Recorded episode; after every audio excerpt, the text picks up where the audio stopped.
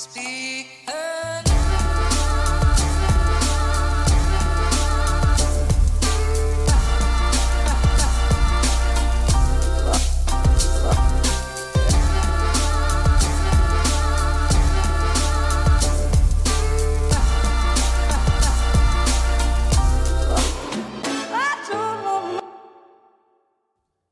er vel bare å starte, uh, først som sist. Um, velkommen hit til Klagemuren.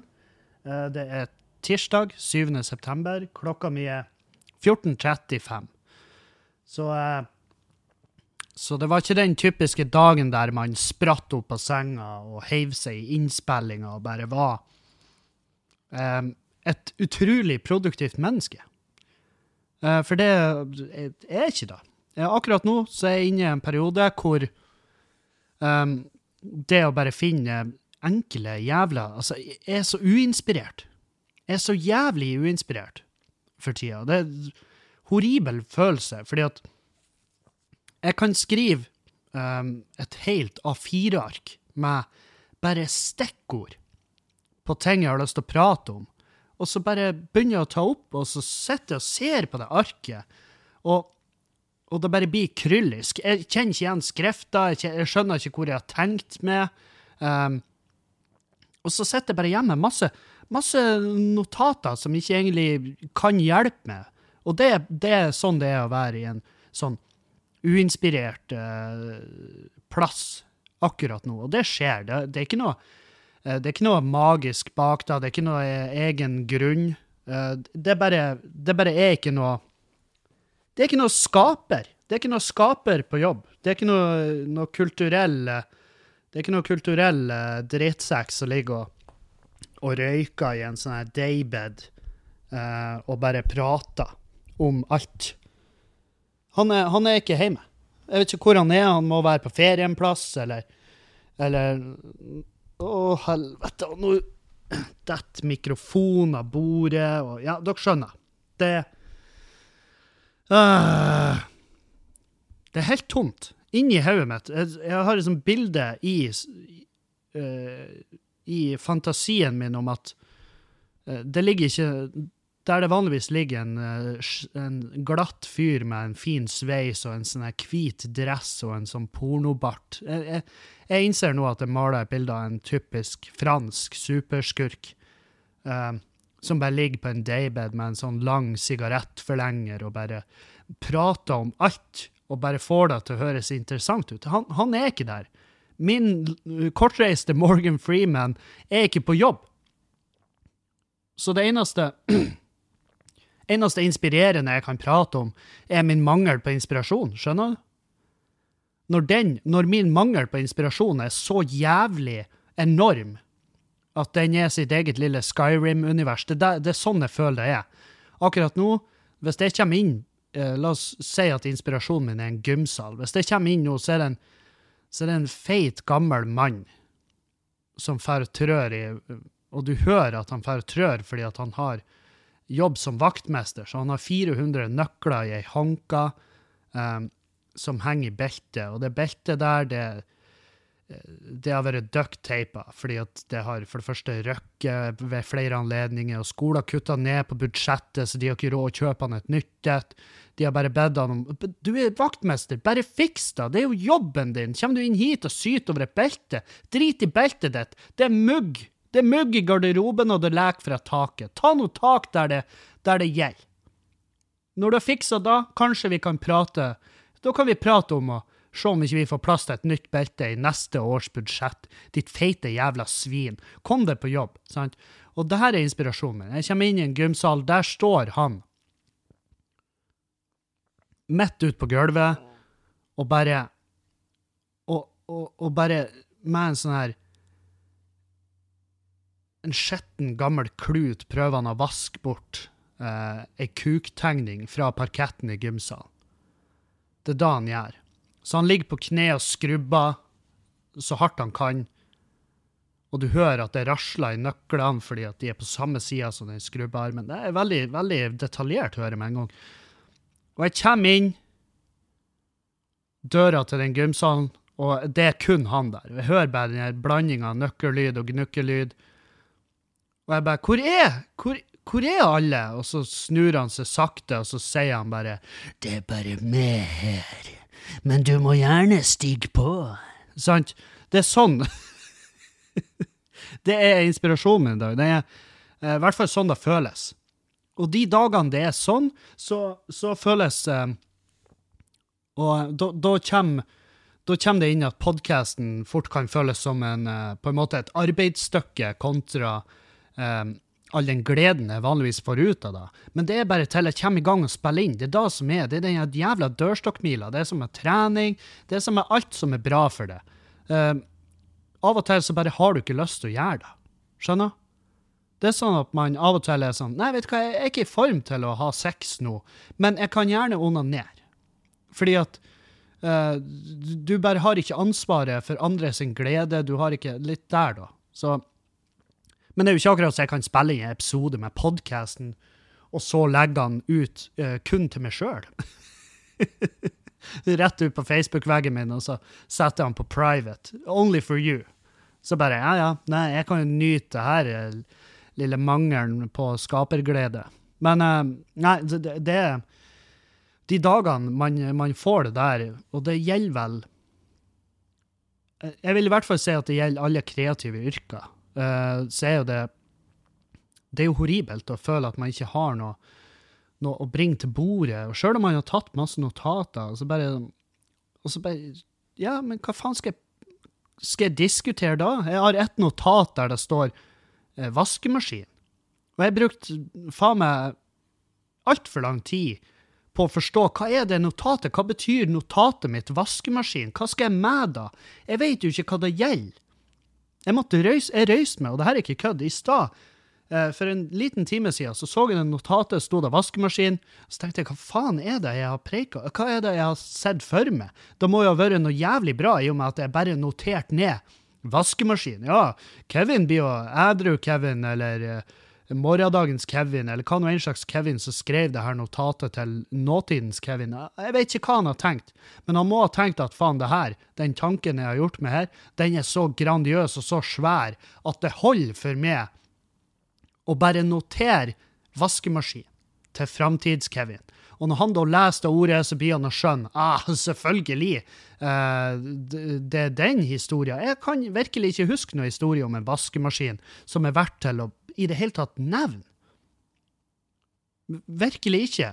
Så jeg måtte røyse meg og gå inn fra stua, så gikk jeg inn på badet, og så sto jeg og så på vaskemaskinen vår og tenkte hva, hva, er det med det som er så jævlig spesielt? Hvorfor har jeg lyst til å prate om det? Hvorfor har jeg notert uh, navnet ditt? Jeg har, ikke, ikke skrevet, jeg har ikke skrevet navnet og modellen, men jeg har beskrevet vaskemaskinen. Og jeg, jeg sto lenge og funderte, og så og så var det sånn Nei, jeg kommer ikke på noe. Så var han Dan nede og, og lura noen klær i vaskemaskinen. Og da så gikk jeg på dass, og da fikk jeg åpenbaringa. For hele greia er at Og det her er Og jeg fikk åpenbaringa. Jeg skjønte hva det var det gjaldt, og jeg, det innfridde på ingen måte. Det notatet jeg hadde tatt med om vaskemaskinen, det var fordi at jeg lurer på hvem, hvilken type, altså hvilken klokka er det vaskemaskinene jobber ut ifra? Sant?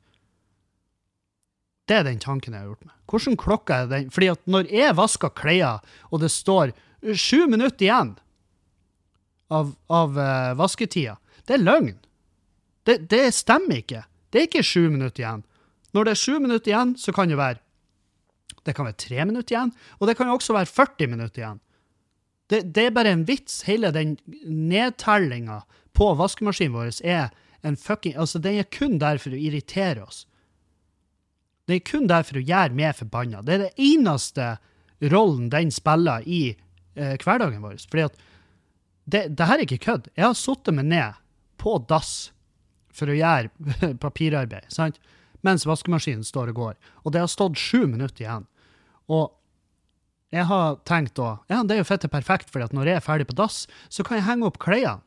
Og når jeg var ferdig på dass, så sto det sju minutter igjen. Og jeg lover dere, det var ikke den type uh, Det var ikke noe ekspresslevering. Det var ikke DHL overnight. Det var det virkelig ikke. Det var, det var hardt, tungt, langt arbeid. sant? Mye mer enn sju minutter, vil jeg si. Og jeg tenker på, ja, ja, fuck den jævla vaskemaskinen som tydeligvis eh, opererer ut ifra tida i en DeLorean, sant? Så jeg tenkte, ja, jeg går i dusjen. Jeg hopper i dusjen, så da er den nå ferdig. Kommer ut av dusjen, seks minutter igjen. Hvor er det sånn, er det døgn? Hva opererer vi ut ifra? Skjønner dere? Dette er, det her er den type notater jeg kan ta med, ta ned, og så bare Og så er det ingenting. Det er virkelig ingenting der. Det er sikkert noen som trakk på smilebåndet når de hørte at jeg uh, syns den timeren på vaskemaskinen er en vits. Men da er det kun folk som er i akkurat samme situasjon, og jeg tipper det er en snever gruppe. Men hvis det er flere, så vil jeg gjerne høre om dere Åh, forbanna dritt. Ingenting. Bare han der feite vaktmesteren som trør og er ufornøyd med jobben sin. Sant? Det det, det eneste jeg trør i hodet mitt akkurat nå. Og det er jo fordi at Jeg lurer på om det er fordi at jeg ennå er litt sjuk.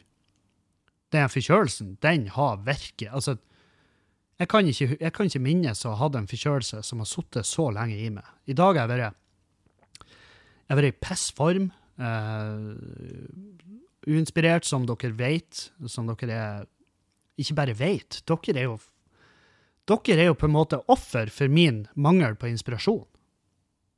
Det er jo da dere er. Dere, det, det, er jo dere det går utover. Og det er jo kjempesynd. Det skal jo ikke gå ut, skal aldri gå utover lytteren. Det skal aldri gå utover fansen, det skal aldri gå utover de som kjøpt billetter til show. Men hvem andre går det utover?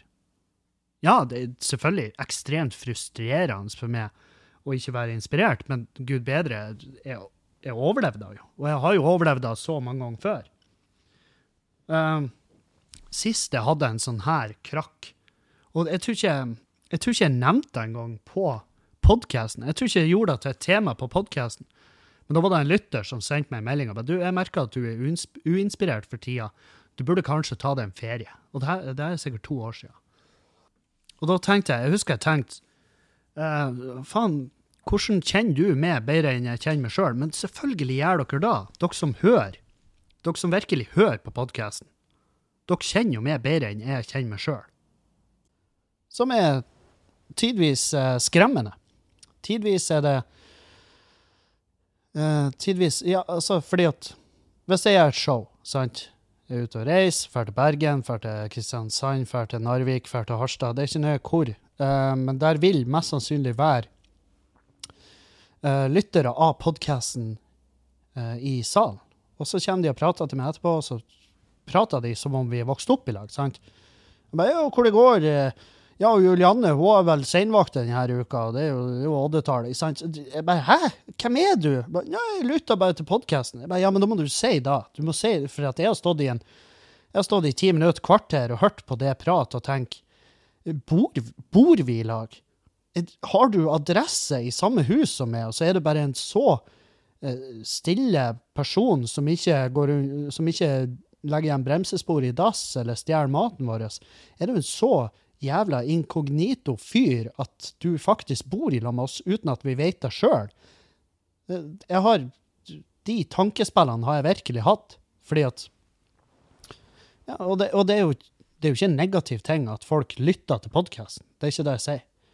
Jeg bare sier at uh, nevn gjerne da Hei, Kevin, vi har aldri møttes før, men uh, jeg kjenner det. Uh, flere åpna samtalen sånn, og da, og da, går jeg inn i samtalen uh, med Og så vet jeg hva jeg har i bagasjen. sant? Da vet jeg hva, hva jeg burde vite og ikke. Og det er klart, hvis jeg aldri har møtt deg før aldri prata med deg, så er det jo ikke mye jeg burde vite. Jeg burde jo vite selvfølgelig at jeg har en podkast, og det skal jo godt gjøres at jeg er i en så rusa form at jeg ikke vet at hva jeg jobber med. Men ja. Nei, så er inspirasjon av bare søppel og eh, Jeg føler at eh, hvis jeg skal gjette, hvis jeg skulle ha prøvd å sette fingeren på hva som er grunnen, så tror jeg det er det her sykdommen. At jeg begynner å bli lei. At jeg begynner å bli lei av å være uh, Sorry. Ikke meninga å gjespe. Uh, men jeg har jo sovet uh, Ja, jeg har ikke sovet dritbra siste uken. Men uh, ja. Nei, så det, det er søvnkvalitet, sykdom, Buhu, buhu, Synjan Kevin, vips med penger. Sant? Dere vet. Eh, Dere vet gangen i, da. Um, ja, og så er det noe halloi bort på Skubba, på puben vår, um, som er jo eh, Ja, jeg satt og skrev en mail i går til kommuneoverlege Kai Brynjar, hvor jeg sa unnskyld. Tenk, sjåfør Altså, han er, han er liksom koronasjefen i Bodø. Han er en, en streng, beinhard lege. Han er en Men han virker også fair. Og mens jeg har vært bortreist Og jeg, jeg sier eh, Jeg ikke at det her hadde ikke hadde skjedd hvis jeg var der. Uh, fordi at vi har tidvis på puben, så har vi vært Ja, nei, vi har vært for slapp. Vi har vært for dårlige og, og, og vært streng med uh, de her smittevern-greiene, sant?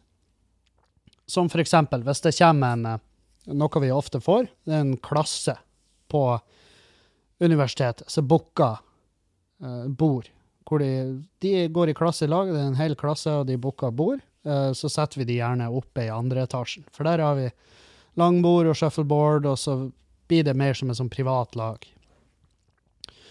Um, og det hadde jo skjedd nå. Vi hadde et, tatt imot et gjeng med studenter på puben, og de hadde vært oppe på loftet med shuffleboardene. Og, og de, det her er også et studentgjeng som jeg har mye kontakt med, så de har gjerne kommet og prata med meg og sagt at du, på skolen så er vi en kohort. Altså, og det er de, det vet jeg. På skolen er de en kohort, og da kan de fingre og slåss, og de kan gjøre hva faen de vil med hverandre, og det er ingen som sier noe. Uh, men de har også fått beskjed om at når dere forlater skolen, så er dere ikke lenger en kohort. Som er en En horribel Altså en sånn veldig rar regel som jeg ikke helt skjønner hva grunn Hvorfor den eksisterer. Jeg lurer på om den eksisterer på, på grunn av at da vil flere lyge. Altså flere klasser, flere gjenger vil lyge. Ja, vi er en kohort, vi er en kohort på skolen, da er vi en kohort her. Og så må vi si ja, OK. Sant? På samme måte som når fire stykk sitter med et bord, og de sier vi bor sammen. Hvor er det å vite at dere, dere bor jo ikke sammen? Det, nekter jeg å tro. Jeg nekter, Oddsen vil ikke ha det til at, at det kommer bare valsende inn i et polyamorøst kollektiv på puben min. Sjøl om jeg syntes det var helt tipp topp, så tror ikke jeg på det. Jeg kjøper ikke historier. Sant? Men så har vi heller ikke lov Altså, det, det er jo noe diffust der. Hvor skal vi begynne å be om postkvitteringer? Hva, hva skal vi gjøre? Skal vi da sette off Skal vi høylytt sette tvil til deres legning? Nei, kjempedum idé. I hvert fall i dagens klima. Helvete, det hadde gjort seg så fette dårlig på en kronikk om eh, det hadde oh, vi skulle bare Vi i det polyamorøse slottet vi bor i, vi er tolv stykk. Vi skulle bare ut og ta oss noen glass uh, før vi skulle hjem og ha klubbkveld, eller uh, hva nå enn i faen de kaller det. Og så, og så, og så, og så blir vi og så, og så blir vi møtt av en daglig leder på en pub som sår tvil om vår eh, sivilstatus og hvordan vi lever livet vårt. Og han skal liksom være en, en progressiv fyr, for han har jo vært i en avissak i Bodø nå der han snakker om at han og fruen er åpne og poli og alt det her. Uh, nå er ikke vi så jævla poli som det kan høres ut da. Det, det må jo nevnes. Vi er vel mer, som Julianne sa. Vi er, uh, er, hva var hun sa? Jeg har lyst til å si jeg er monogam, men vaginaen min er ikke det.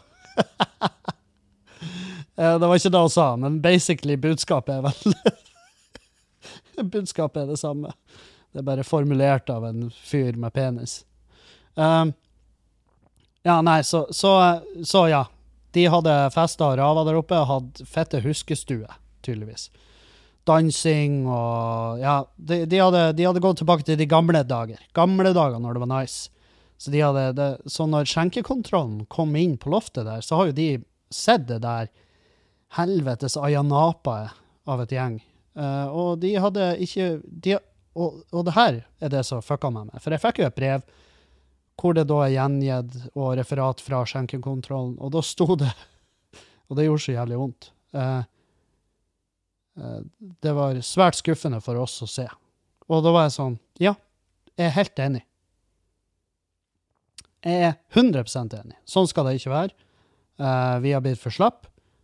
Og jeg fikk to dager på meg, oss, eh, altså to dager. Det her også. Brevet kom i går. Uh, de hadde bedt om svar innen 2. september. Jeg bare, ja, men da må dere Da må dere bruke uh, Dere må slutte å bruke den samme klokka som vaskemaskinen min bruker. Fordi at oh, callbacks hæ, er jo i faen meg, er jo i form. Nei, for du Ja, dere skjønner. Det nytta ikke å få et brev eh, fire dager etter da skulle ha vært besvart. Sant? Men jeg, jeg tipper de gir meg i hvert fall den, da. Men jeg skrev da en lang mail til han eh, kommuneoverlegen, for han hadde bedt om svar.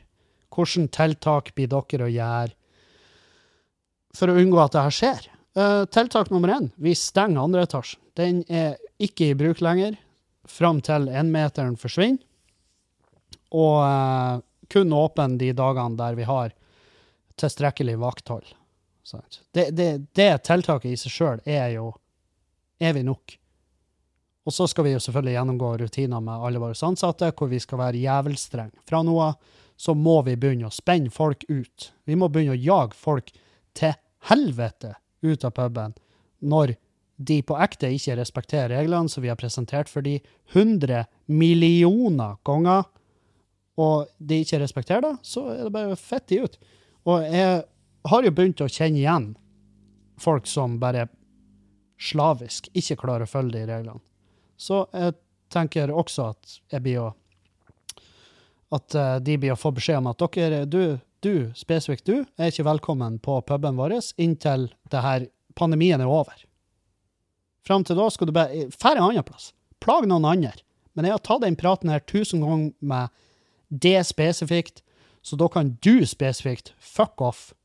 Fordi at du respekterer ikke det jeg sier til deg når jeg prøver å drive en bedrift der som skal eh, Som fra før av henger i en fuckings Altså, i et kjønnshår, sant?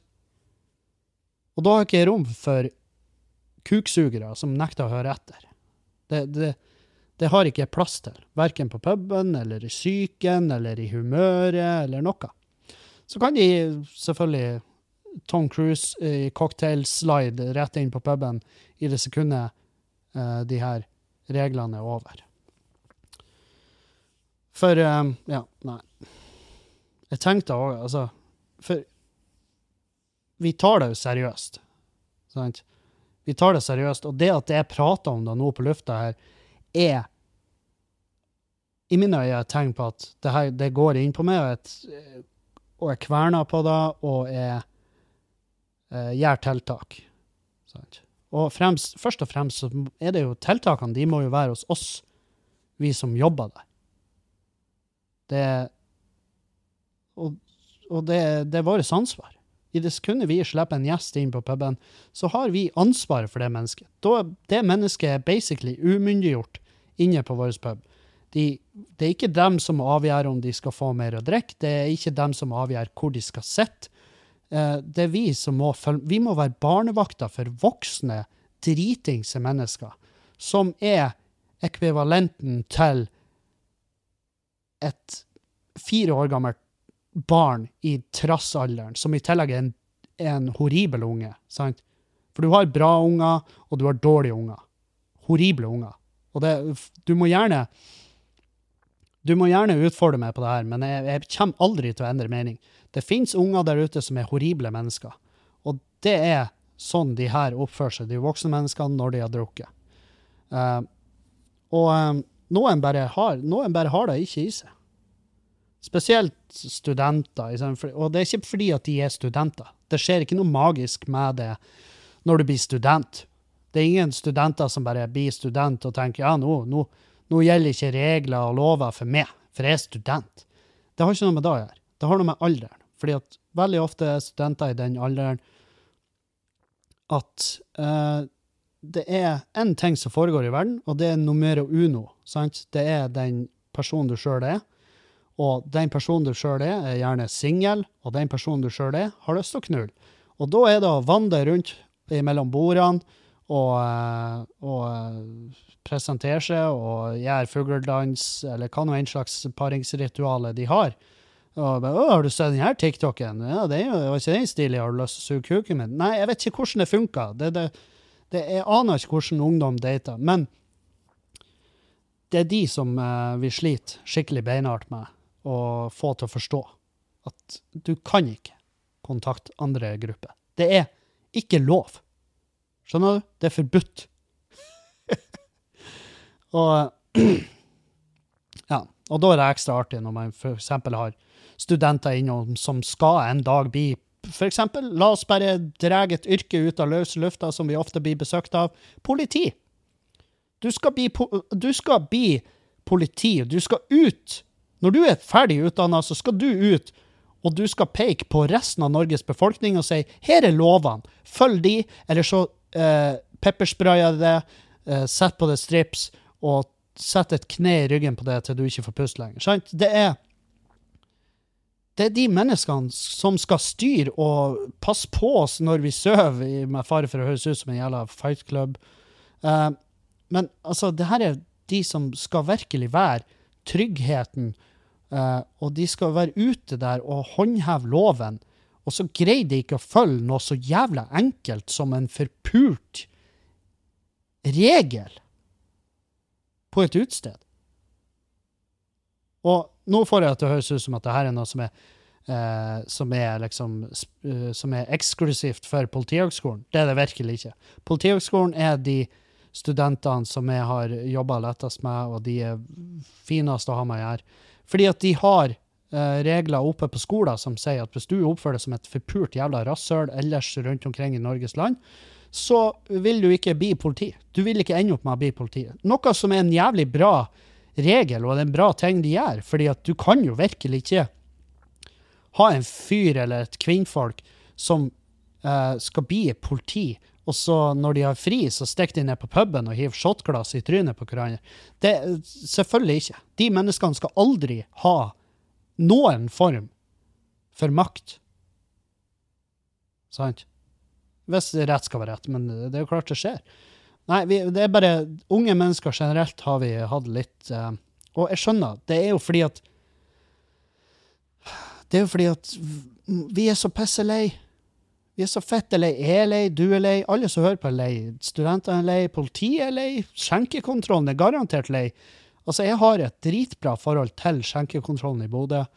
Um, hver gang de er innom, så setter jeg meg ned og tar en prat med dem, og ja, og liksom bare for å høre. Og de har veldig ofte svært konstruktive eh, kommentarer å komme med. Ja, jeg er pissredd hver gang de kommer inn døra på puben. Selvfølgelig. Jeg skjelver. Jeg er kaldsvetta. Fordi at jeg håper jo at de ikke skal finne et eller annet som jeg har oversett, og så ender det med at vi får prikker, eller at i aller verste tilfelle at vi må stenge. Og miste skjenkebevillinga. Og dermed miste puben, og miste alt vi har. Sant? Så det er jo derfor det her går så ekstra inn på meg, fordi at Og jeg vet at det er ikke så svart-hvitt, men for meg som daglig leder og eier og, og liksom, Når jeg og Dan drar og trør der nede på puben, og det er masse gjester der, og vi merker at å ja, de her, de, de, det her bordet, de bare hører ikke etter på hva vi sier. De bare hører ikke etter når vi prøver å sette til verks i hodet deres at nå må dere følge smittevernreglene, ellers så, ellers så går alt til helvete. Og så bare gjør de det ikke. Da føles det som at de aktivt går inn for at eh, vi skal miste alt vi har. Og da føler man seg under angrep, man blir forbanna, man blir frustrert. Og, eh, ja, og jeg, i hvert fall jeg, da, som er en frustrasjonskonge Hvis jeg blir rikelig frustrert, så blir altså, jeg blir så jævlig eitrende. Jeg blir så lynings. Og um, som ikke er nødvendigvis en bra egenskap hele tida, men uh, men ja, nei, jeg kjente det. Jeg kjente en blanding, blanding av ekstrem skuffelse og sinne når jeg leste kontrollen sin uh, kommentar der, og det og det er det eneste vi kan ta og gjøre, det er liksom å legge oss fette flat, noe vi gjør. Vi legger oss flat og sier at det her skal vi bli flinkere på. Vi gjør også ganske heftige tiltak. Det å stenge andreetasjen der, det er ikke noe som kommer lett. Fordi at andreetasjen er potensielt en plass som vi kan Altså, vi tjener jævlig mye penger på at den finnes. Fordi at hvis det er fullt i første etasjen, så kan folk henge i andre etasjen. Men det er det slutt på. Så det er et gode vi måtte ha tatt ifra oss sjøl og fra våre gjester, til at vi kan med hånda på hjertet og med god samvittighet og sikkerhet si at vi har kontroll på andre etasjen. Så enkelt det er da. det og, og det føler jeg er ei bra vurdering. Og det er strengt tatt så er det en vurdering vi skulle ha tatt tidligere. Og det må vi bare ta på oss, det òg. At ja, vi er ikke bestandig kjappest. Og vi er ikke best i klassen, og vi er ikke kjappest i klassen. Det er ingenting. Det er bare Vi må bare gjøre så godt som vi kan. Så vi skal gjennomgå rutiner, ha oss noen møter og få liksom uh, Få spikra. Hva, hva, er det vi gjør? Hva er det vi, hvordan er det vi vil fremstå? Jeg kan jo sitte og, jeg kan jo sitte og uh, jeg kan jo sitte og messe og syte over at å, uteplassene uh, uh, reg reglene, våre, reglene for oss er for strenge. Jeg kan jo ha den meninga så mye jeg vil, men når jeg da samtidig går og motbeviser Eller jeg samtidig går og bare legger eh, legger fram bevis på hvorfor at det burde være strengt. Fordi at vi åpenbart ikke klarer med det. Det er jo en jævla fin reality check å få bekrefta at Ja, men du, Kevin, er jo sånn som dere har drevet bedriften der er jo grunnen til at de reglene må være så strenge. Fordi at dere åpenbart ikke klarer å håndheve de. Og det, det, det lover jeg dere. Det er en jævlig sur ting å innse. Det er en fette sur ting å innse. Det er som å sitte og prate om at folk er bitter, og så er du egentlig bitter sjøl. det er så jævlig flaut å høre på. Og man gjør det sjøl òg, det er det som er. Så ja, på seg sjøl kjenner man andre best, etter en sånn der piss det ordtaket sa. Um, å, oh, jeg har fått en mail. den er så fin, den. Og jeg begynner å lese mail nå, så, eh, så, så vet dere det. Uh, jeg synes jeg synes, det er vanskelig å holde tritt med hva tid du er i Bergen. Jeg har ikke Facebook, Instagram eller Twitter. All info er utdatert. Kjipt for meg at jeg ikke får med meg når du er i byen. Du og Erlend sine events har jeg vært på hver gang. Ja, sikkert ikke hver gang. Uh, du og Erlend sine events har jeg vært på hver gang, før jeg, før, før jeg ikke orka sosiale medier lenger. Ja, Så han var på våre events hver gang før han sletta alle sosiale medier. Jeg digger deg og han, men nok om det. Gjør det litt lettere for folk, sant? Ikke alle er på SoMe og det, er det en plass jeg kan holde meg oppdatert? Takk på forhånd, mann. Ja, selvfølgelig er det en plass du kan holde oppdatert. Det du kan gjøre, er hvis du går inn på Facebook-sida mi, og så liker du den, så vil du få beskjed når det er events i ditt nærområde. Um, nei, altså, jeg vet da faen. Hva vil du jeg skal si? Du har jo tatt et aktivt valg. Og det du Det valget du tar når du velger å gå bort ifra alle sosiale medier, jo, det valget du tar da, er Da er ikke jeg sosial, ikke jeg sosial lenger, på samme nivå. Jeg blir ikke å være like opp, opplyst og oppdatert. Sånn, eh, sånn er det. Dessverre. Tru meg, det er ingenting jeg skulle like bedre enn at vi ikke var så fette avhengige av sosiale medier som vi er. Men jeg har virkelig, på ekte, bygd hele min karriere via sosiale medier. Og og sånn er det. Eh, du kan, eh, hvis du, hvis du går på sida mi, kevinkildal.no i ett ord Hvis du går på kevinkildal.no, så vil du finne under events der, og der er det da uh, Den er oppdatert fordi at det er en og hvordan vet jeg at den er oppdatert? Jo, fordi at den tar alle events som er på Facebook-sida mi, så lister den opp i ei veldig fin sånn listevisning. Du, du, kan henge der og refresh den sida. Det er virkelig på ekte det eneste jeg kan tilby deg. Fordi at hvis du har tatt det valget om å ikke være på sosiale medier, som er helt supert, så kan ikke jeg hjelpe deg. Jeg, kan ikke Eller hvis du Jeg vet ikke hva du bruker for å kommunisere med andre mennesker. Du bruker jo sikkert mail, i og med at du har funnet mailadressen min og sendt via der. Så bruk den eventsfanen på den sida der. Det på ekte. På ekte det eneste jeg kan Jeg kan si. Jeg har ikke noe Jeg har ikke et spesifikt uh, skrin liggende på uh, på sida av et skur. Et busskur på Rondane, eller hvor nå enn i faen i Gudbrandsdalen. Jeg har ikke et skrin som jeg går til uh, en gang i måneden, og så legger jeg oppdatert liste over hvor jeg skal opptre, i tilfelle det er noen der som bare har sagt ifra seg all interesse for elektrisitet og elektronikk og data og EDB og alt det her. Uh, jeg har dessverre ikke det. Men det har vært nice. Det har vært en helt nydelig patent å kunne ha tilbudt mine lyttere og ja, folk som har lyst til å se standup, men de har ikke lyst til å uh, ha kontakt med folk de gikk skolen med. Jeg skjønner det. Jeg skjønner det kjempegodt. Jeg skulle ønske det var like lett for meg å bare slette alle sosiale medier. Jeg tenker jo Altså, det er jo sånn her Jeg har jo sett folk når de legger ut de her mening... Altså de her standardpostene. 'Nå gidder faen ikke Facebook lenger. Hvis dere skal ha tak i meg, så når dere meg via uh, det her telefonnummeret eller brevdua mi som heter Frans. Sant? Det, det gjør Jeg har sett de der, og jeg har tenkt Ja, særlig. Særlig at du blir forlatt sosiale medier. Og så gjør de det. Og så hører jeg aldri fra dem igjen. Noensinne. Og så møtes vi med et uhell en plass, og de bare ja, nei, du har ikke pra jeg har ikke hørt noe fra det siden jeg sletta Facebook. Så ja, jeg har ikke hørt noe fra det heller, din jævla dildo. Er ikke det en toveis gate? Det er ikke da et vennskap skal være? Og la oss være ærlige, jeg prata masse med deg før du bestemte deg for å fjerne Facebook, og nå er det plutselig mitt ansvar å sørge for at det vennskapet vårt vedlikeholdes. Jeg vedlikeholdt det dritbra helt til du valgte å ta ifra meg det eneste jævla verktøyet jeg hadde for å nå ut til det. Sant? Så hvis du sletter alle sosiale medier, alle muligheter for å Vanlige kanaler for å få info om når og hvor ting skjer Hvis du tar det valget, ja, supert. Men du sier også litt ifra deg retten til å komme til meg og syte for at du ikke får med deg show. For det er virkelig ingenting jeg kan gjøre for det, min gode mann.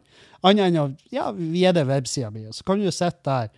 Du kan installere, hvis du har Google Chrome, så kan du installere en sånn widget, som er en sånn app, som gjør at du kan gå inn på sida mi, og så kan du sette den på autorefresh. Så slipper du i hvert fall å sitte med, med musa i handa og trykke på piltastene. Sant? Så vil han med autorefresh, og da vil du jo få beskjed fortløpende etter hvert som show legges ut. Så vil jo du få beskjed om det. Uh, Annet enn da så kan jeg jo også anbefale det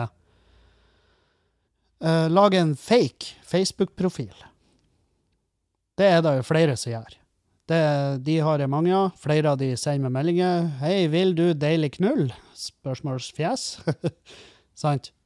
Uh, men du kan lage en face, fake Facebook-profil, og ikke legge til noen. Bruk den kun til eh, sånn Ja, altså det, det å finne ut når det skjer ting, eller hva nå enn i faen. Hvis du skal kjøpe deg en sofa på ei Facebook-gruppe. Eh, yppel. Bare lag deg en fake profil. Og jeg skjønner, Mange gjør jo det her som et grep fordi at de har vært avhengige av sosiale medier, og det skjønner jeg òg. Altså, jeg merker f.eks. Tinder er jo en av de, sant? For det, der, jeg merker at der ligger man og Hvis man bare får får komme seg i gang, så ligger man jo bare og, og swiper. Swipe, swipe, swipe. Hele, så hvert ledig minutt, som er bullshit, fordi at du bruker ikke tid. Du bruker ikke noe tid, og du, du, leser liksom ikke tekster, du ser ikke på bilder. Det bare ligger bare hjerneløst swipa. Sant? Og for mange er det sånn med Facebook, TikTok, Instagram. Det tar opp enorm tid av dagen deres. Det tar opp um, Altså, det, det som skjer, er at du skrur jo av den kreative delen av hjernen din. Og så ligger du bare og målløst og med null planer ligger du bare og blar. Og blar og blar og blar om det er folk uh, om det, det er ikke nøye hvilket medie det er snakk om. Om du ligger og bare blar i folk du potensielt skal pule eller bli kjent med, eller om du bare blar gjennom bilder av de skjelløyde søskenbarna dine som tanta di har lagt ut, eller hva nå enn i faen. Det er ikke nøye. Det bare har ingenting det har, Du har ingenting igjen for det. Du tar ikke til deg noe av infoen. Du bare bruker det som en måte å få tida til å gå. Sant? Og da Og da er det jævlig fort å føle en Å føle en eh, Å få den følelsen at jeg gjør ingenting med livet mitt. Det, og det, her, og det sier jeg fordi at jeg vet. Jeg vet så jævlig godt. Det er så mange ganger jeg måtte ha tatt meg sjøl i skinnet og bare Du, nå fuckings Nå gir du faen. Nå bruker du enormt mye tid på eh, noe som ikke gir deg en drit. Sant? Og det kan være TV, det kan være apper, det kan være eh, Det kan være egentlig det meste. Ingenting er bra i for masse uh, I for store mengder. Og spesielt da sosiale medier og datingapper og TikTok og? Jeg, jeg syns jo TikTok for eksempel, er en app jeg holder meg unna. Jeg holder meg, jeg holder meg slavisk unna TikTok. Og det er fordi at jeg har nok. Jeg har nok med å pulle off og sjonglere det jeg allerede har å gjøre. Og det er derfor jeg ikke har kobla til eh, PlayStation her nede ennå, for at jeg kan virkelig ikke tillate meg sjøl å midt oppi den tida når jeg burde være på puben, jeg burde, være, jeg burde ha fokus på standupen, jeg burde ha fokus på standup-klubben, jeg burde ha fokus på oppussing her hjemme, jeg burde ha fokus på innredning av garasjen, jeg burde ha fokus på innredning av loftet på garasjen, jeg burde ha fokus på søknadene til garasjen, jeg burde ha fokus på faen meg absolutt alt. Og det jeg ikke har tid til da, det er å sprenge rundt på et åpen verden-brett i Red Dead Redemption og prøve å fange en hvit hest med en lasso. Det har ikke jeg plass til. Jeg kan ikke forsvare den tidsbruken. Men bruker jeg masse tid på annen piss som ikke gir meg noe? Ja, masse. Absolutt. Det er djevelsk mye tidsbruk på fettskitt. Og, og ja, til, jeg sier ikke at du ikke skal underholde deg sjøl. Det er ikke da. Men ta gjør det en tanke. Ta, ta gjør det en tanke. Er det noe jeg bruker unødvendig mye tid på som jeg ikke får noe igjen for? Og hvis du, og hvis du med hånda på hjertet kan si eh, Nei, det er det ikke. Det er ingenting. Ja, da lyver du. da lyver du på ekte. Da, da, jeg tror ikke på det. Med mindre du akkurat, altså sånn, i forrige uke hadde den samme realiseringa. Altså den samme tankerekka og samme konklusjonen. At jeg bruker for mye tid på det her, og så kutter du da ut. Og så er du ennå i vaken. sant? Du er ennå i kjølvannet til den avgjørelsen. Hvis du da hører det her og sier nei, jeg har ingenting jeg bruker unødvendig mye tid på, som tar bort hverdagen ifra meg, og jeg får ikke gjort en drit. Så med mindre du gjorde det i forrige uke, og det tiltaket ennå sitter i det, så tror ikke jeg på det. Jeg tror på ekte ikke på det. Og, og du må gjerne føle en trang til å sende meg en lang mail hvor du forklarer hvor jævlig meningsfullt livet ditt er. Og jeg blir å lese den, og jeg blir å unne det da. Jeg blir unne å en dag kunne leve det livet, men jeg blir ikke å tro på det at du lever det livet i dag, fordi da tror ikke du hadde tatt deg tida til å sende meg den mail. Å, dæven! Hæ? Hører dere der? Vet hva jeg gjør der? Det er hersk. Det er hersketeknikk. Jeg holder dere gissel i min egen eh, Jeg holder dere som gissel i min egen konklusjon, som er at ja, hvis du sender meg en mail hvor du sier at du har lever et så jævla meningsfullt liv, så tror jeg ikke på det, at da hadde ikke du funnet tida til å sende mail. Så da, sier jeg automatisk at her er det ingen rette svar, det er kun feil svar. Så det beste du gjør, det er å bare fortsette livet sånn som du lever det. Nei, for guds skyld. Hvis du har oppskrifter på lykken og alt det, send meg gjerne en mail. Uh, hvis den oppskrifta er uh, Hvis den oppskrifta er uh, Senterpartiet, så kan du for min del skyte sjøl før du sender meg den mailen. Eh, og gjerne skyte sjøl litt langt unna PC-en, sånn at ikke når du Når det der eh, når det der jævla uopplyste liket det treffer tastaturet, så kan du med et uhell sende av gårde mailen, og så må jeg ta stilling til den, og så svarer jeg det, og så svarer jo ikke du med tilbake igjen, fordi at du er jo død og begravet, og det er garantert sikkert to og en halv, to og en halv person som sørger og taper. Uh, men uh, hva var poenget mitt her? Jeg vet ikke hva poenget mitt var. Jeg, jeg vet ikke.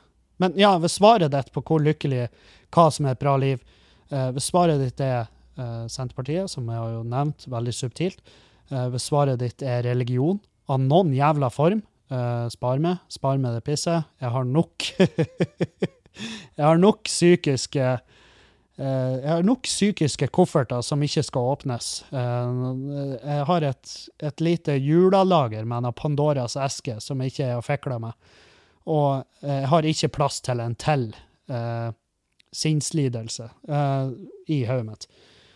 Eh, men hvis, hvis eh, din eh, hvis, hvis ditt svar på hva som gjør et perfekt og lykkelig og meningsfullt liv, hvis da er for eksempel jeg vet faen, yoghurt, uh, sudoku, eller sant, et eller annet, gjerne trim, eller trim generelt. Trim er jo noe jeg skal faktisk i dag I dag skal jeg gå med en tur.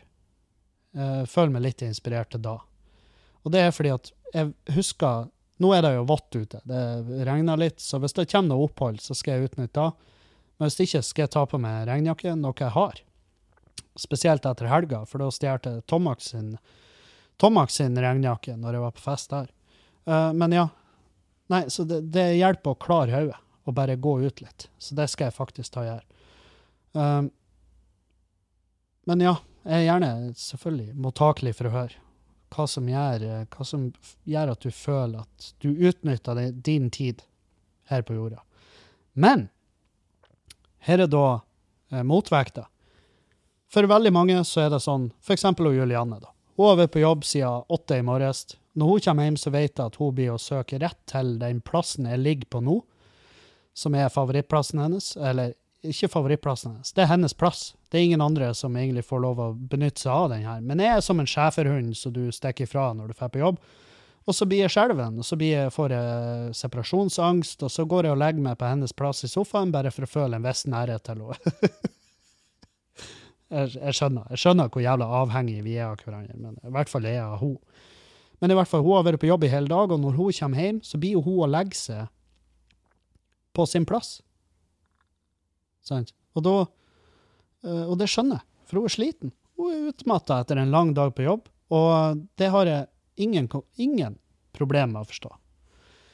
Absolutt ikke. Og, og det her er den motvekta da, som jeg er veldig forberedt på å få, og så er jeg også eh, har null problemer med å forstå den, og jeg respekterer den. Det er så mange som, som ville si at ja, hva så om jeg vil bruke min fritid, som ingen har noe med å gjøre? Hva så om jeg har lyst til å bruke den på å være en slask? Slappe av, ligge på sofaen, knull, onaner, dusj. Ikke dusj, la være å dusje, gjør en case ut av det, gå ei uke uten å dusje, se hva som skjer. Kall det forskning, kall det hva faen du vil. En lite rebellion eh, mot eh, det samfunnet forventer av oss. Ikke sant, hva nå enn. Så lenge du gjør noe som gjør deg glad, får deg til å føle at nå gjør jeg rett, sant? Nå gjør jeg det riktige, og jeg gjør ikke det feile som gjør at jeg ikke får oppnådd noen av målene mine, eller får gjort noe av det som jeg gjerne skulle gjort. Um, så, lenge du, så lenge du har det bra, og, og kan på ekte rettferdiggjøre dine valg for deg sjøl, så er det greit. Det er samme som uh, det, det gjelder jo alt. Det er overførbart til jobb, det er overførbart til helse. ikke sant? Du det er som den evige Hvis jeg noensinne skulle hatt et motto Hvis det noensinne skulle ha vært en, en underliggende greie med podkasten her Hvis noen går og spør en lytter som har lytta siden starten Hva er meninga med podkasten hans Kevin? Hva er budskapet? Hva er det han Kevin får fram av av, main, altså, av Hva er tipset? Hva er hovedtipset? Hvis jeg hadde avslutta podkasten i dag og aldri spilla inn en episode igjen, og noen hadde spurt kan du si meg i setning hva han Kevin prøvde å, frem, uh, å få frem i løpet av hele podkasten sin, så vil de fleste svare ja, slutt i jobben din hvis du ikke liker han. Og slutt å syte. Slutt i jobben din hvis du ikke liker han, og så slutter du å syte etterpå. Fordi da har du ikke lenger en jobb du kan syte over. Eh, det går igjen eh, hvis du er over, overvektig og ikke liker det. Hvis du, hvis du er overvektig og digger det, hvis du er overvektig og på ekte eh, ser deg sjøl i speilet og elsker deg sjøl, så er det pissbra. Hvis du digger å leve det livet, supert. Men hvis du lever sånn som jeg gjorde, og sånn som jeg tidvis gjør Akkurat nå føler jeg meg som et superfeit, ekkelt svin. Skjønner du? Jeg aldri Aldri. Det blir feil å si. Men det er veldig lenge siden jeg har følt meg mer dvask og jævlig og stygg enn jeg gjør nå. På ekte. Men jeg vet jo at det ikke stemmer. For jeg har sjelden sett bedre ut. Men eh, det er jo også der perfeksjonisten Jeg kunne, jo sett bedre ut, og det kan jeg jo absolutt. Jeg kan med, jeg kan med god samvittighet gå ned 15 kilo til, og det er ingen som blir å si «Øh, Er du sjuk? Nei, nei. De blir å si du ser fantastisk ut, og jeg sier tusen takk. Takk for det. Og så blir jeg sjarmert. Sant? Men jeg bare Og det her kommer jo gjerne hvert år, spesielt nå rundt høsttiden, når vi får det første grå, triste, jævla regndagene. Og, og uh, Julianne har spurt meg liksom, hva er min favorittårstid, og det er, jeg må si at det, det er ikke høst. Det er virkelig ikke høst. Det er ikke noe høstdude. Uh, og folk prater ja, men herregud, det er all de fine høstfargen. Ja, slutt å prate med han der fargeblinde, feite kuken om hvor mye du digger høstfargen. Eneste positive med høsten er at flein vokser. Jeg vet da faen. Det er um, Nei. Nei, det er, jeg, vet faen. Jeg er vel i en dupp. Men det er jo klart, når man er sjuk, litt høst, litt uh, motgang skal ikke, mer, skal ikke mye mer til for at han Kevin vurderer å skrive en, en biografi. Og bare 'Å, noen må lese om hvor horribelt det er'. Hva er horribelt, Kevin? At du lever et så jævlig privilegert liv som du faktisk gjør. Du, du ligger hjemme nå og prater inn i en mikrofon mens andre folk er på jobb. Og jobber kuken av seg med en sjef som klapper dem på ræva, eller en sjef som ikke ser dem og gir dem skryt for det gode arbeidet de gjør. For det er tonnevis av det. Det er så mange dårlige sjefer der ute som aldri har gitt skryt en eneste forbanna dag. Uh, og hvis du, hvis du, er den sjefen og du hører på denne podkasten her nå, ta så i morgen så går du ut og skryter av de ansatte. Uansett om de har gjort en dårlig jobb eller en bra jobb. Hvis de har gjort en dårlig jobb, så skryter du over at de har prøvd.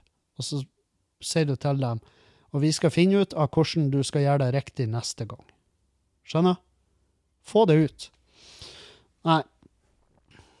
Uh, jeg skulle ha uh, Julianne spurte meg også hva, hva er min favorittfarge. Uh, jeg må si at det varierer veldig. Det kommer an på humør. Akkurat nå så har jeg lyst til å si uh, rød. Men det er jo fordi at jeg har på meg den deilige røde Levis-genseren som jeg har forelska meg fullstendig i. Uh, høst bringer jo med seg min kjærlighet for grønn òg. Jeg ser grønn, jeg oppfatter grønn, men det problemet er at jeg skiller veldig dårlig mellom grønn og blå. Grønn og brun er faen meg horribelt å forstå. At det går an, at det er to forskjellige farger. Og så har du alle de fargene som folk prater om, som jeg bare ikke kan sette fingeren på hva det er. Fiolett. Jeg har ikke peiling. Lilla. Jeg har aldri sett. aldri sett de. Jeg har jo sett de, jeg har bare ikke registrert de som noe annet enn blå eller rød, eller hva det enn faen. Så ja. Men eh, ja, veldig artig spørsmål, egentlig. Favorittfarger. Men ja, i dag så skulle jeg fære og stemme for det har jo vært sånn forhåndsstemming i Bodø. Ja, kom og forhåndsstem. Og jeg tenkte ja, jeg drar og forhåndsstemme. Og så var det jo ikke åpent. Det var ikke mulig å forhåndsstemme lenger, tydeligvis. Så um, nei, så jeg må jo vente til valgdagen. Og det er jo verst jeg vet. For det er så jævlig mange gamle krøniker. Altså, de børsta støvet av en 99 år gammel knokkelbag, og hun kler seg opp i den fineste eh, hva nå enn eldre dame går i. Sånn sånn sateng blomstertopp. Og på med brillene og det krølla, grå, støvete håret deres som vi klarer ikke å bestemme oss for om hva Er det Er det kangrovev, eller er det faktisk støv? Bor det en liten hund oppi der, eller er det et ekorn? Sant? Det, sånne gamle folk, altså, de drar de med seg ut for å stemme. Som er kjempebra. Eldre folk burde jo stemme, de òg. De uh, Alle burde stemme. Alle burde stemme. Fordi at det er litt det her med at det er akkurat, det er akkurat samme. Det er direkte overførbart. Hvis du jobber i en jobb som du hater, så har du ikke lov å syte over jobben din. Hvis du bor i et land du hater, men du ikke stemmer, så har du ingen altså du har ingen, ingenting å syte over. Fær nå å stemme bare sånn at du kan syte. Du kjøper deg gratis syt med å fære stemme. Og det er ingen partier som Nei, jeg skjønner, jeg har det likens, men da stemmer du heller blankt. Akkurat i år så blir å stemme rødt, tror jeg. Det blir rødt. Det blir blodrødt, og det har ingenting med levergenseren å gjøre. Herregud, Kevin. To callbacks i en episode. Er det bare, det bare å logge av? Ta kveld? Nei, ikke ennå. Jeg har noe ting jeg må plugge først. Uh, ja, nei, så jeg skal stemme rødt. Uh, fordi at uh, det blir det partiet. Er Sikkert noen som river seg i håret, og noen som skulle ønske de har hår å rive i. Så blir jeg sikkert å få noen meldinger. Nei, Kevin, du må faen meg du må stemme Høyre. Du tjener jo over eh, Jeg vet ikke hva du må tjene over for å kunne stemme Høyre med god samvittighet, men uh, jeg tjener ikke så mye. Det gjør jeg virkelig ikke. Um, nei, så Men fær å stemme. Fær å stemme. Um, jeg må plugge noe her, som for eksempel vaksiner. Fær å ta den. jeg anbefaler fær å ta den vaksina sånn at vi kan åpne samfunnet igjen. Uh, og ja, jeg vet det ligger masse skepsis ute i der eh, i, i verden for den vaksina. Du har de som bare er naturlig skeptiske fordi at det er et nytt legemiddel, og vi vet liksom ikke noe om det. Og det du har der da, er jo en, en helt normal, sunn skepsis, men uh, Jeg vet faen. Jeg bare jeg har tatt andre dosen. Jeg har gjort det. Jeg gjorde det på torsdag i forrige uke. Dagen før jeg skulle reise til Os, som jeg har vært. Jeg har vært og gjort show på Os, for faen. Det var jo helt nydelig. Helt fantastisk. Annet enn det var ett gjeng der som var så jævlig dritings. Og, og de bedyrer at de er enorme fans, flere av de. Jeg bare forstår ikke logikken i å være enorm fan av noe, så får du å drikke det så dritings, og så sitter du og prater med de andre fansene gjennom hele showet, i stedet for å følge med. Det er sånn Jeg, jeg, forstår ikke logikken. Men ja. Men det var et jævlig fint show. Det, de, var, de var virkelig, i mine øyne, bare 1% av eh, showet for min del. Resten av showet var helt fantastisk. Kosa meg. Elska Os. Og så kjøpte jeg også et bilde. Jeg kjøpte et maleri som jeg ikke klarte å ta øynene mine av. På ekte. Jeg var Nei, jeg var så forelska i det maleriet, så jeg bare Hva kosta det? Og så sa de prisen, og så sa jeg ja, greit, jeg skal ha det. Um, og um, jeg tenkte jeg skulle Jeg tenkte jeg skulle finne ut hva hun heter, kunstneren. Uh, jeg må bare bla litt her.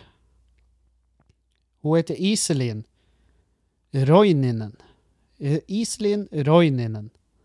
R-O-I Iselin Roininen. R-O-I-N-I-N-E-N. Herre fred. Ekstremt dyktig. Jeg kjøpte et bilde der som bare var så jævlig stilig. Jeg, legge, jeg legger ut bilder av det på Patrion. null stress. Um, men ja, jeg var jo show der. Um, og jeg var så redd, for jeg var vaksinert med på torsdag. Og det var andre dosen, og de bare Ja, det Fikk du noen bivirkninger første gang? Jeg bare ja. Jeg svetta ukontrollert, helt jævlig, så faen ikke ut. Jeg så ut som jeg var på speed. Og de bare OK, ja, da kan det komme litt hardere denne gangen.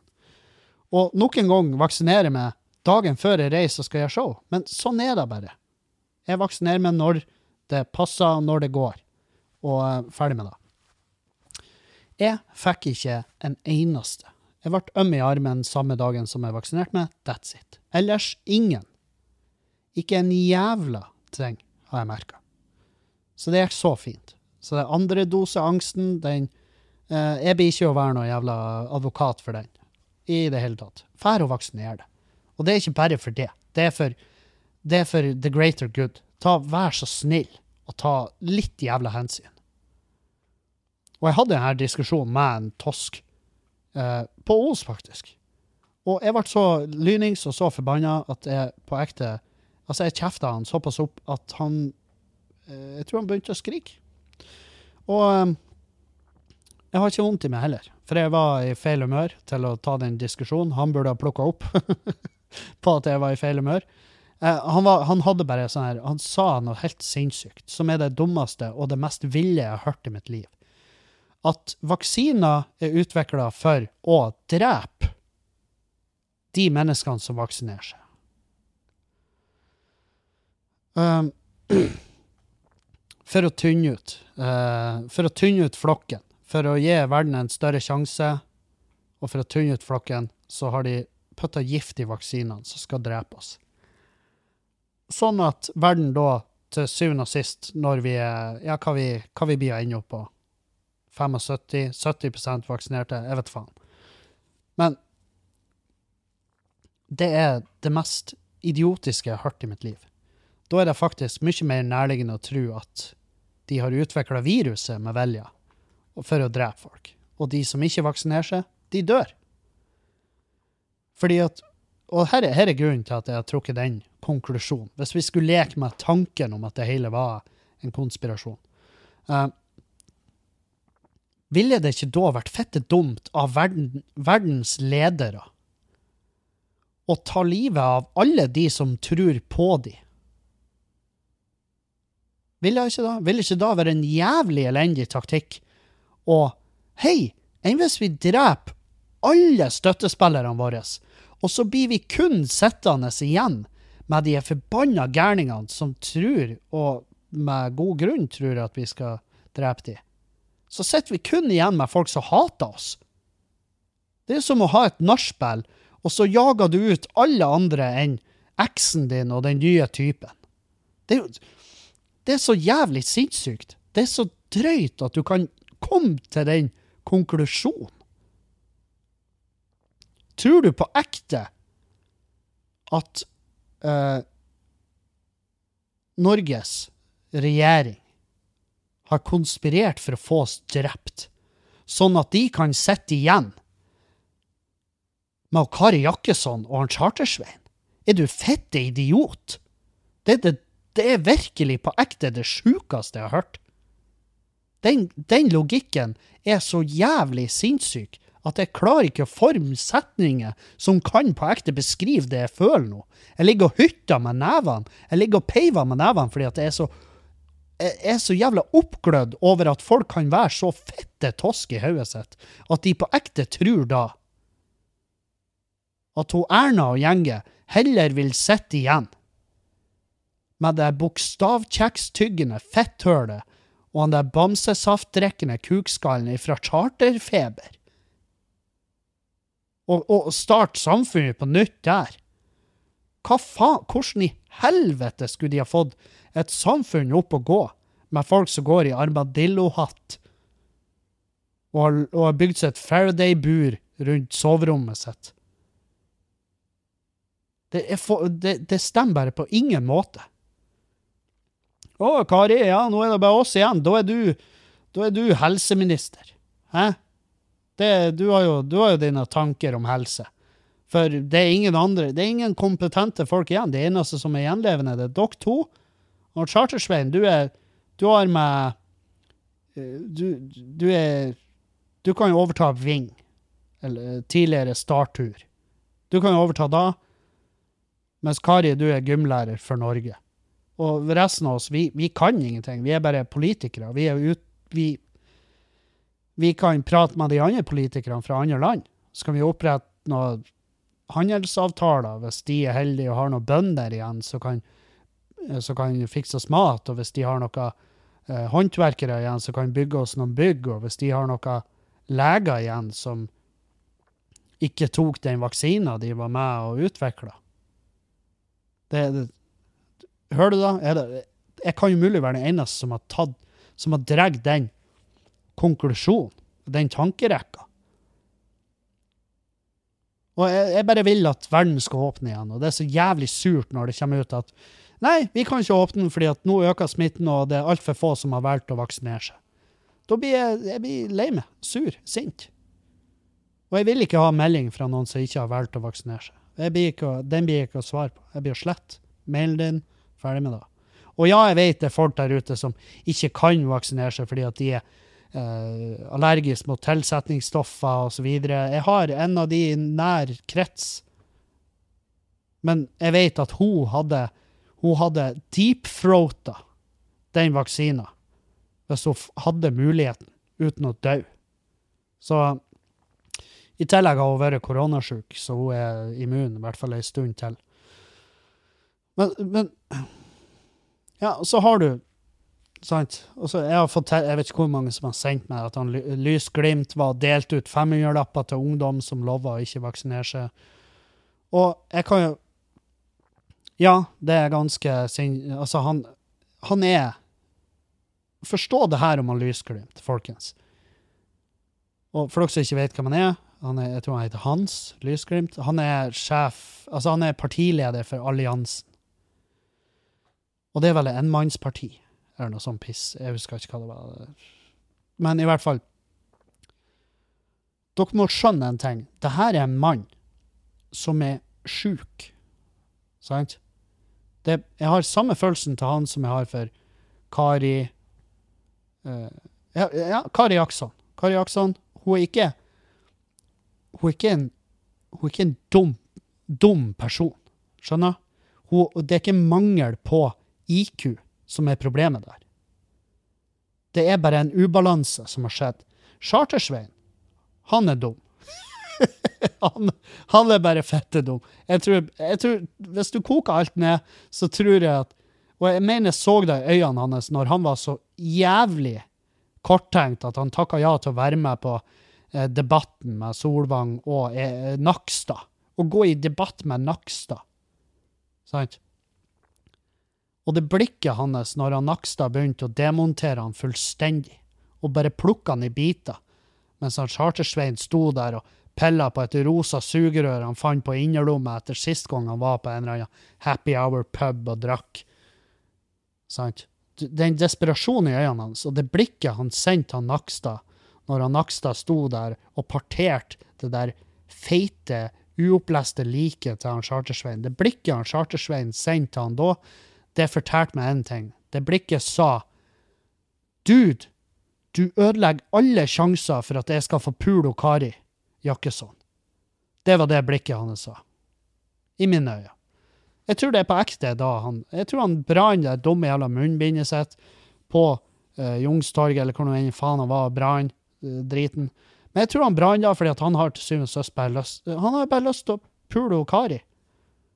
Og jeg skjønner han. Kari er tight. Kari er tight, og jeg kunne lett ha gjort det samme hvis hun bare hadde Hvis jeg først kunne ha mura igjen kjeften hennes. Hvis jeg kunne hvis jeg kunne ha fylt den med byggskum og teipa over etterpå, så hadde jeg lett gjort det. Men der stoppa det. Men Kari er ikke dum. Er, der er bare noe Noe har skjedd. Sant? Og det samme med han Lysglimt. Når han står utafor skole med sleiken sin og den fine dressen og deler ut femhjulslapper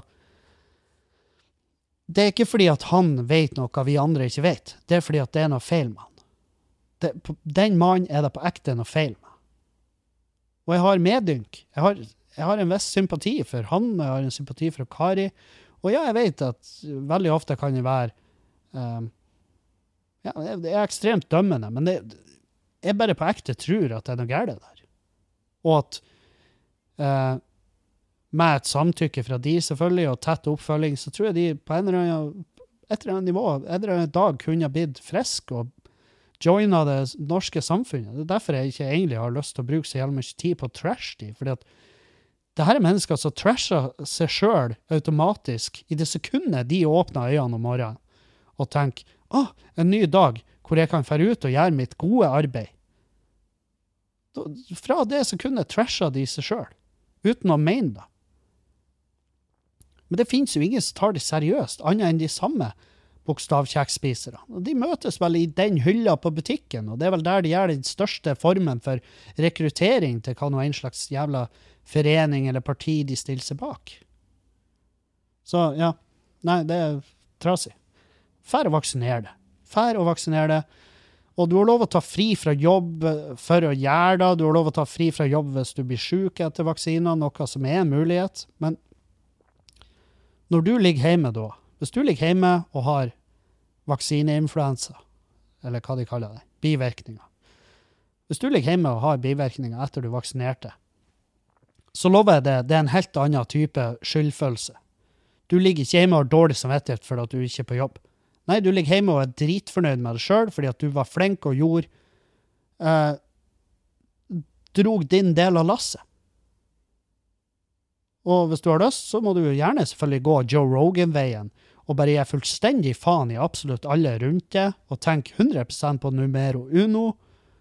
Um, og bare gå den veien. Så, og når du da blir syk, så bruker du over 250 000 dollar i legemidler som ikke er den vaksina, men heller, uh, men heller noe annet legemidler, som, som uh, f.eks.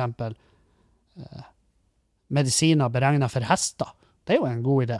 Det er mye bedre da enn å, enn å gå den tradisjonelle veien, som faktisk har dokumentert effekt. Og så hvis du da bruker 250 000 på heksekunst i stedet for å ta den gratis vaksina som du får slengt i fjeset, med et, med et, smil og et klapp på skuldra og et takk fra oss andre. Hvis du heller har lyst til å bruke, eh, da, hva blir 250 000 dollar? Hva snakker vi da? Hva, hva er det vi preiker om i penger da? 250 000? Det er jo over 1,67 millioner har han brukt, Joe Rogan. Fordi han, han, han trengte bare å bruke 250 000 dollar, fordi han er så frisk. Hæ? Fordi han er så frisk og bra trent. Altså, han fyren der er fette sjuk i hodet, han òg. Det har kommet til et punkt der han har så mye folk som tror at han er den mest opplyste fyren i verden.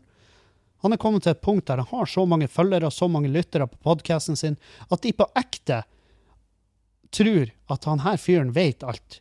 Og han tror på ekte sjøl at han vet alt.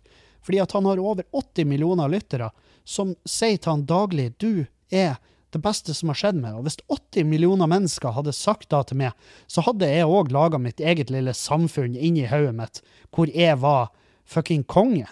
Jeg hadde vært han Hvis du ser Rick and Morty, den episoden når de drar og besøker det lekelandet til dattera til han eh, Rick, sant? Når de drar og besøker det gamle lekelandet hennes og finner han der barndomskjæresten hennes, han har bodd der i, i 40 eh, år alene og bare eh, og bare laga sitt eget samfunn med horrible lover og regler og levemåter. Selvfølgelig. Det er en naturlig reaksjon fra et menneskelig sinn.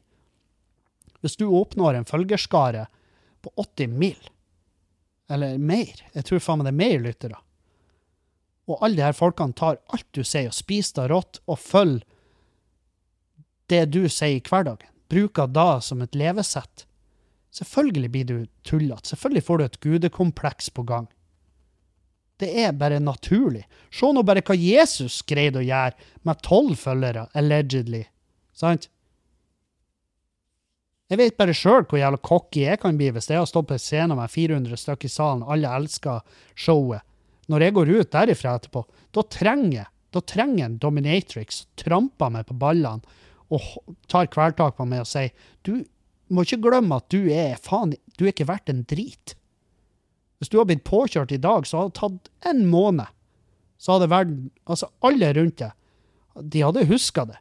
Men de hadde gått tilbake til sitt gamle liv og gjort de justeringene de måtte gjøre for å kunne leve det livet, akkurat sånn som før, bare uten det. Sant?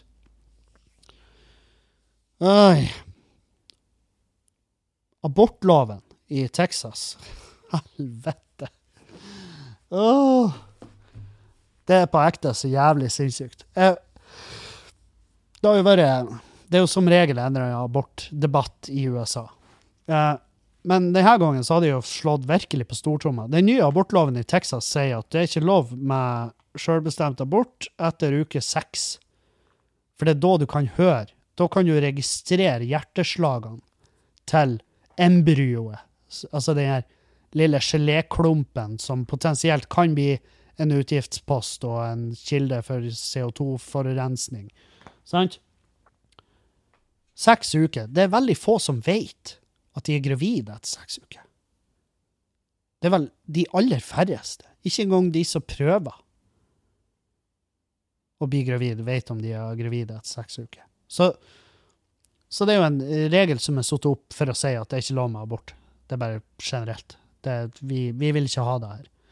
Og de har ikke Vet hva de har gjort for å unngå at du skal kunne For å unngå at du skal kunne uh, fuck, fuck opp den loven, så har de sagt at det skal, være det skal ikke være offentlige uh, embets... Altså tjenestemenn, så eksempel politi. Det skal ikke være en offentlig etat som håndhever den loven. Det er en sivilt håndheva lov. Hæ? Som vil si at du da, hvis du bor i Texas, finner ut at naboen din for og tok abort i uke tolv, så kan du saksøke naboen din for å ha gjort det. Da kan du saksøke de for å ha eh, tatt den aborten etter uke seks. Du kan også saksøke hvem enn som hjelper de. Sykepleiere, du kan saksøke sjåføren bortover til abortklinikken. Du kan saksøke de for opptil 10 000 dollar, eller 87 500 kroner per dagens kurs. 10 000 dollar kan du saksøke de for, og saksomkostningene. Hæ? Er det ikke deilig? I 2021 har de seriøst, på ekte, fått gjennom den loven her. Og grunnen til at de har satt den loven med en sånn struktur, at det skal gå ut på snitching og tysting i nabolaget, som de jævla rotten de er, det har de gjort fordi at da er det veldig vanskelig å få den loven forkasta. For det er på en måte ingen sin lov. Det er det sivile sin lov. Det er så jævlig sinnssykt. Og USA er jo på alle måter et forpult jævla drittland. Og et land jeg har veldig lyst til å reise til, men mindre og mindre for hver dag som går. Spesielt når de kjører gjennom sånne lover. Og nå har jo ikke jeg tenkt å reise til Texas spesifikt for å ta en abort. Jeg bare sier at det ville vært nice å ha muligheten. Nei, det, jeg, vet du, jeg på ekte Jeg på ekte kan virkelig ikke forstå hvilken retning verden er på tur å gå inn. Og det bringer meg tilbake til det bildet som jeg har kjøpt. Det bildet som jeg har kjøpt som Iselin Ro- Roininen eh, har mala. Det er et dystopisk bilde. Hun skrev det i en tekst om bildet. Så skrev hun at uh, Bildet er mala med inntrykk av en fremtidig dystopi. Men nå i dag vil jeg heller si at det er laga i en dystopisk presens. Altså at verden er et horribelt sted å være. og det blir bare mer og mer. Og det blir verre og verre. Og de spiller, de spiller politisk spill med sinnssyke ting. Som for eksempel abortloven i Norge er jo en brikke. Det er bare en brikke i et spill. Så hvis du i Texas blir voldtatt av din egen Det her er på ekte. Hvis du i Texas blir voldtatt av din egen far og bror i et horribelt scenario, og du blir gravid, så har du ikke lov å abortere det der kommende kommende jævla eh, daglige påminnelsen over hva som har skjedd med det. Du har ikke lov å fjerne den etter seks uker. Tenk på det. Kan du, kan du i din, i din villeste fantasi forestille deg hvor jævlig det må være å bære fram det barnet og føde det, og i tillegg måtte ta vare på det. Og i tillegg måtte fakturere din egen far og bror for barnebidrag. Sant? Det er faen meg så jævlig sinnssykt at det går an i 2021. De uh, fortalte historier, fordi at den regelen tredde jo i kraft uh, Jeg husker ikke hvilken dato, om det var natt til tirsdag i forrige uke. Etter en, natt til tirsdag i dag, blir det vel. Da hadde kommet inn en ung rusmisbruker. Uh, en ung rusmisbruker som hadde kommet inn, og hun sa jeg er gravid i tolvte uke, jeg må få fjerna fosteret. Og det her var dagen før den loven tredde i kraft, og de sa OK, men vi kan ikke hjelpe deg fordi at aborten kan skje tidligst 24 timer etter din første time. Dette er din første time, det vil si at når de 24 timene er gått, så kan ikke du ta den aborten. Du kan ikke ta den aborten hos oss. Og hun var rusmisbruker, var gravid og hadde tre unger fra før av hjemme. Og hun skulle sone en lengre dom. Hun skulle inn i fengsel fem år. Jeg sier ikke at hun her er et bra menneske. Jeg sier heller ikke at hun er et dårlig menneske når hun sa til dem at jeg vil ikke føde og oppdra et barn i fengsel. Og de sier vel, tøft tiris, fordi at den nye loven trer i kraft, og vi her på abortklinikken er begynt å søke jobb på, jeg vet faen, Chick-fil-A. Nei, det er faen meg, det er så sinnssykt at det er der vi er. Men nå er det i USA, og jeg er veldig glad det ikke er mitt land. Jeg har ingenting med det landet å gjøre. Annet enn at jeg hater og elsker det landet. Fordi at det her er greia. Jeg skulle gjerne ønske at jeg kunne konsumere underholdning kun fra Norge eller de britiske øyene. Det ville jeg gjort Det ville gjort min jobb i å hate eh, USA mye lettere. Jeg hater USA og lovsystemet der og det politiske systemet der, fordi at Ja, det er bare, det er bare et vandrende, vandrende bevis på hvor alt gikk til helvete, og hva vi burde være forsiktige med. Men jeg har en jævlig fæl følelse om at det er sånn det kommer til å bli i Norge òg. At uh, til slutt så er det bare styrt av absolutte ytterpunkt innenfor politikken, og styrt av absolutte ytterpunkt innenfor lobbyvirksomhet. Og nei. Så dere hører jo da at uh, høsten er kommet, og med den kommer en, uh, Kevin sin høst... typiske høstdepresjon, hvor han tenker at verden aller best hadde vært Ja, den har vært aller best i de tusen årene etter vi endelig dør ut, og eh, verden kan starte på nytt med et bedre vesen, som eh, forhåpentligvis kan jobbe i lag med naturen og i lag med alle de andre dyrene, og ikke ødelegge fettskitt. Og så kan de dra og trø rundt på savannaen og se på den ruinene av det driten vi har lagd. Og de kan ikke nærme seg de områdene vi har vært altfor lenge, eller har atomkraftverk, eller hva nå enn faen, fordi at eh, det er ødelagt etter oss. Vi raserer. Og ja, jeg vet det, det Men alle de her tingene, jeg sier ikke da bare for å messe. Skjønner? Jeg sier ikke da bare for å fortelle dere og være bedrevitende og alt det her. Det her er på ekte. Det jeg tror. Det her er på ekte det jeg mener. Og det er slitsomt for meg òg. Det er jævlig slitsomt for meg òg. Det eneste jeg ser når jeg åpner ei avis, eller Det er bare helvete. Det er bare drit om hvordan vi fucker opp verden, hvordan de rike blir rikere, og, og vi jobber så hardt som vi bare kan. Vi jobber oss i hjel, vi jobber oss sjuke, vi jobber oss inn i en tidlig død for å få kjøpe oss en, en isolert garasjeport som vi drømmer om, eller en, gud forby et boblebad.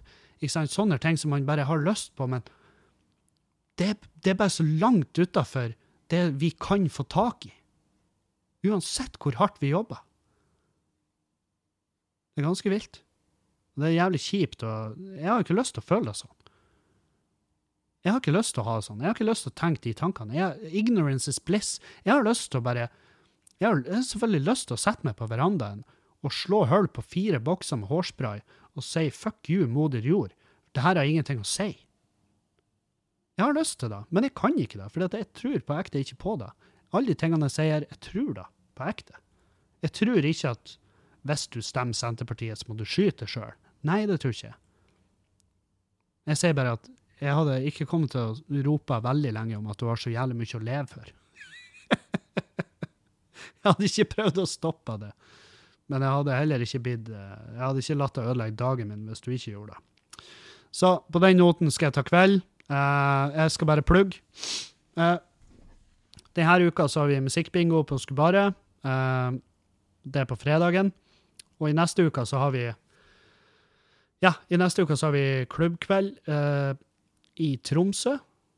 Det skjer Nei, jeg skal begynne på starten i neste uke, fordi jeg har jo faktisk ting jeg skal gjøre i neste uke i Oslo.